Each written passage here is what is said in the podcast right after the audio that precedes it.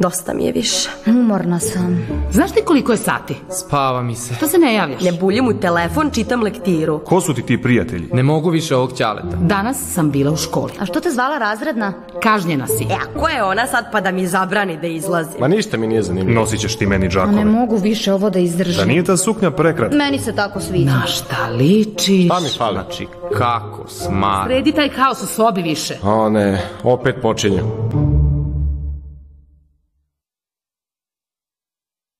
Zdravo, zdravo. Današnja emisija neće baš prijati onima koji ne znaju da kažu ne cigareti. U zapadnoj Evropi prema Svetskoj zdravstvenoj organizaciji se broj pušača smanjio čak za 50% kada su uveli te stroge zakone o pušenju. A kakva je situacija kod nas? Kada mladi najčešće kreću da puše i zašto je to problem? Da li su beznikotinski proizvodi kao što su nargila i elektronske cigare dobri i dobra alternativa ili su još gori od cigareta? Idemo da saznamo od prave osobe koja će nam dati prave odgovore zašto ne pušiti.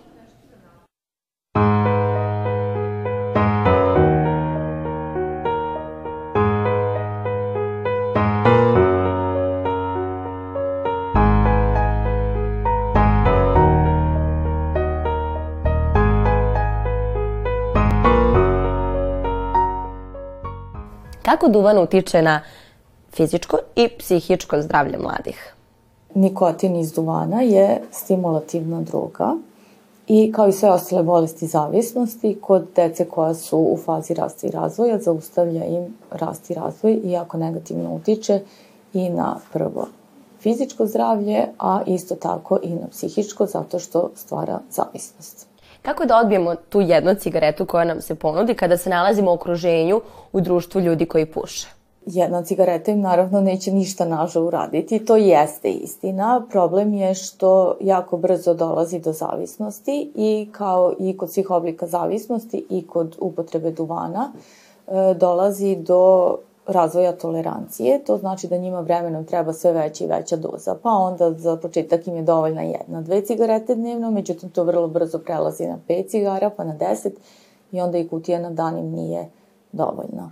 Tako da ono što uvek treba da kažu jeste da budu izričiti. Ne volim duvan, smrdi mi, alergičan sam na duvanski dim, imate isto dosta dece i odraslih ljudi koji su stvarno alergični na duvanski dim. Ja sam im više puta bila u iskušenju da probam cigaru, ali moj glavni motiv je što se ja bavim sportom. I zapravo svesna sam da ukoliko se bavim sportom da mi to može uništiti organizam i to mi je najveći motiv zapravo da ne probam. A posle i to što sam svesna da ukoliko krenem da pušim da ću se promeniti da ću upasti u loše društvo, da to šteti mom zdravlju. Ja se generalno veoma bojim za svoje zdravlje i to mi predstavlja jako velik strah i svesna sam bolesti koje pušenje izaziva i to je jedan od razloga zašto ne pušim. Mlađi a, koriste beznikotinske proizvode zato što misle da manje štete, dok zapravo jednako štete kao a, nikotinski proizvodi zato što imaju mnogo hemikalija i substanci koje su isto štetne, kao što sam rekla. Nažalost, dosta mojih drugara i ljudi u mom okruženju konzumira ovaj nikotinske uređaje i cigare eh, i alkohol, ali ja smatram da je to negde u redu je sve probati u nekim umerenim količinama i da sad da se opijamo previše, to naravno nije dobro i da se neke vi, velike količine cigareta ovaj, konzumiraju, stvarno nije okay, jer štetimo našem zdravlju i ljudima oko sebe, ali neke umerene količine zaista mislim da je to okej okay, prihvatljivo. Da li roditeljske zabrane pušenja dobro utiču na decu ili izazivaju kontraefekat pa oni baš žele da krenu da puše zato što im je slađe? Jedan problem je tu velik, pogotovo što jako puno roditelja puši. I onda ako roditelj puši i kaže, ali ti ne smeš, šalje onako izmešane signale, ajde tako da kažem, ako ti pušiš, zašto ja ne bi smeo? Da pušim i onda im treba stvarno sesti i objasniti zašto roditelj puši, da ima jako puno roditelja koji ne žele to, ali ne mogu, zato što je to jedna ozbiljna zavisnost. Što znači zapravo da vi jednom kada postanete zavisni, uvek ostanete zavisni. Uh, po nekim standardima kažu da treba da se puši između 5 i 10 cigareta svaki dan tokom dve nedelje da bi se stvorila zavisnost. Ono što je još jedan problem u svemu ovome kad pričamo o opšte oblicima zavisnosti i adolescentima jeste da oni zavisnost ne prihvataju. Tačnije, ne shvataju, ne razumeju šta je to i oni smatraju da je to samo izvor volje. Ja kad budem hteo, ja ću prestati, a sad dok hoću, to je to, ja nisam zavisnik. Da li su bezduvanski, beznikotinski proizvodi, kao što su nargila i elektronske cigarete, dobra alternativa za cigarete ili nisu? Jako velik problem jeste ta ekspanzija, ajde da tako kažem, vape Mislim, to sve jesu elektronske cigarete. Dečije opravdanje jeste da to nema nikotina i da je to sasvim u redu. To što nema nikotina i što oni neće postati zavisni ne znači da nema ostalih štetnih substanci. E, udisanje bilo kakvog dima sigurno nije dobro za pluće, samo kad bi malo razmislili s tim da oni čak i ubede svoje roditelje da je to sasvim u redu, da im čak i roditelji kupuju. I pritom su one prilično jeftine. Oni skupe malo pare od užina, njih dvoje, troje se skupe zajedno, kupe ovaj, neki vape elektronsku cigaretu i onda to puše, pogotovo sada sa ovim, ajde da kažem, pristupom internetom i svime, pa gledaju razne snimke kako prave razne oblike, pošto se stvara velika količina dima, kako prave razne oblike, ovaj, ispuštaju iz usta sa tim dimom. Shvatila sam da dosta mojih vršnjaka to koristi i ja sam puno puta bila u iskušenju da probam, ali sam shvatila da nije zdravo i da nema potrebe da se proba. Većina mojih prijatelja puši i konzumira alkohol i ja sam sama pušila jedno vreme, mada kada su moji roditelji saznali je to sve palo u vodu i prestala sam brzo. I iskreno mislim da jako lako prestati, samo treba imati dobru volju. Mislim da se čak više koriste nikotinski u mom okruženju, ali mislim da to nije, da je to sve isto jer čak i ako jednom probaš da bi možda postaneš zavistan od toga. Mislim da to jako loše utiče na zdravlje, pogotovo ako ste sportista ili tako nešto, zato što bude loš, lošija kondicija i samo, sami imunitet padne. Pušenje nargile ima daleko štetnije uticaj na organizam nego pušenje cigareta, gde taj neka, ajde da kažem, seansa pušenja nargile koja traje od 45 minuta do sat vremena, ima otprilike uticaj na organizam kao popušenih 100 do 150 cigareta. Unosi se mnogo veća količina ugljen, nosi da mnogo veća količina katrana, bez obzira što nema nikotina, gde oni posle, ajde da kažem, završenog pušenja nargile se dosta njih osjeća lošima, vrtoglavicu, povraća im se mučninu, to je zato što je, ovo, ovaj, imaju previše ugljen monoksida u organizmu, fali im kiseonik. Prošle godine e, je e, krenulo sa prodajom snusa. Snus je isto bezdimni duvanski proizvod, to su kesice nikotina, tačnije se to zove u svetu duvan za žvakanje. To su male kesice koje se stave u, ovaj, u, kod desnih i ispuštaju nikotin. Problem kod snusa, on je dozvoljen samo ovaj, u jako malo država u svetu. On je nastao sa ciljem e, sprečavanja, ajde da kažem, pasivnog pušenja, i jeste upotrebom snusa, niko oko nas ne strada, ali neka istraživanja su pokazala da ovaj, već za dve godine nastaje rak desni, uh, ovaj, rak uh, kosti vilice, jezika, jednjaka, pankreasa, ima jako veliku količinu nikotina u sebi, gde osobe koje puše pa kad stave ovaj, snu se osjećaju loše, a koji, koji, ajde da kažem, donekle su naviknuti na nikotin, oni koji nisu padaju u nesvest, povraćaju im, baš im bude izuzetno, izuzetno loše. Teško je da sebi i drugima priznamo da imamo neki problem i da smo zavisti od nečega. Ha, tako je i sa školom. Teško je priznati da imamo problem u školi. Ali dobra vest je za one koji su sada krenuli da se pripremaju za završni prijemni ispit – zato što imate dovoljno vremena. A mi ćemo vam pomoći da se taj završni ispit što bolje završi.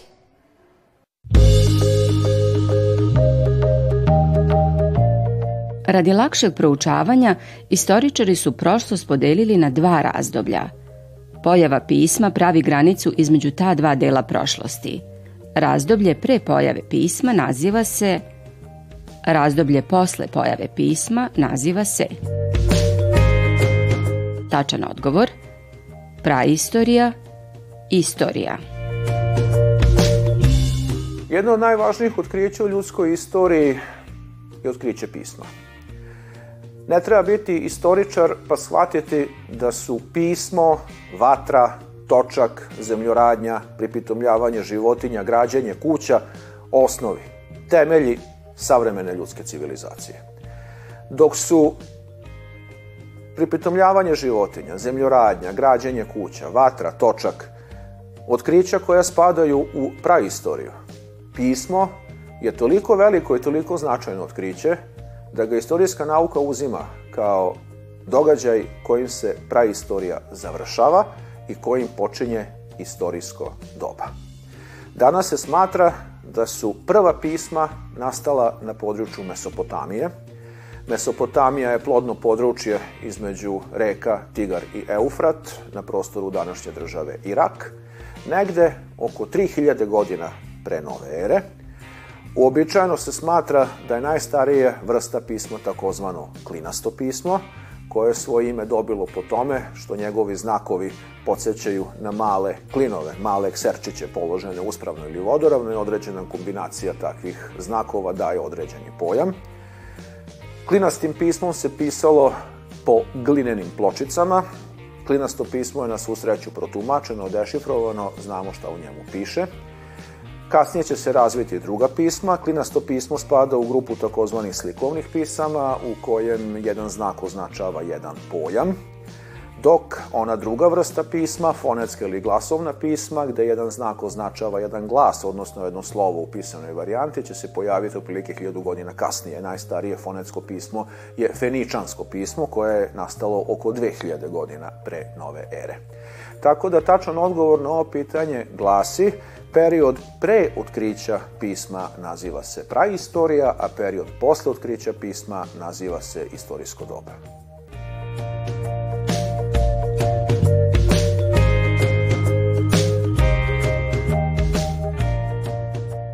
Đura Daničić je 1847. godine dokazao da je narodnim jezikom moguće pisati i naučna dela – pismenica srpskoga jezika po govoru prostoga naroda napisana. Rad za srpski jezik i pravopis, Stari zavjet prevod. Tačan odgovor, Rad za srpski jezik i pravopis. Godina 1847. predstavlja godinu pobede Vukove reforme srpskog jezika i pravopisa. Te godine su izdata de, sledeća dela. Rad za srpski jezik i pravopis Đure Daničića, prevod Novog zavjet, zavjeta Vuka Stefanovića Karadžića, pesme Branka Radičevića i Gorski vijenac Petra Petrovića Njegoša.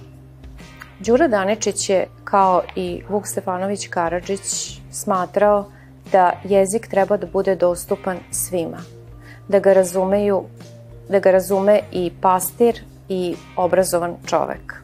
Zato su obojice insistirali da se govori i piše na narodnom jeziku.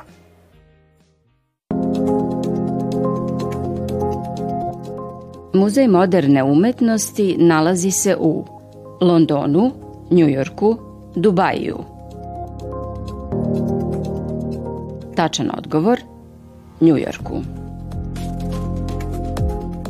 Muzej modernih umetnosti nalazi se u Americi, u Njujorku, na Manhattanu. Nastao je 1929. godine izložbom Van Gogha, Sezana i Gogena. Muzejska kolekcija je vrhunski pregled moderne i aktualne umetnosti, koja obuhvata dela arhitekture, dizajna, slike, skulpture, fotografije, grafike, filma. Danas biblioteka i arhivi muzeja sadrže preko 300.000 knjiga i predmeta koji se odnose na više od 70.000 umetnika. Arhiva čuva primarni izvorni materijal vezan za istoriju moderne i savremene umetnosti. Muzej moderne umetnosti u Njujorku zauzima 25. mesto na listi najposećenijih muzeja umetnosti u svetu prema podacima iz 2020. godine. Čuli smo kako pušenje utiče na naše fizičko i mentalno zdravlje. Ali sad ću ja da vam kažem još kako utiče na vašu lepotu. Na primjer, ako pušite, imaćete tanju kosu, žuće zube, lošije nokte, manje energije i u ostalom manje novca. Da li vi to sad sve želite? Naravno da ne. Zato, oni koji ne puše, neka ne kreću, a oni koji puše, nek probaju da prestanu. Imajte to na umu, a mi na umu imamo novu emisiju za sledeću nedelju. Do tada, vidimo se.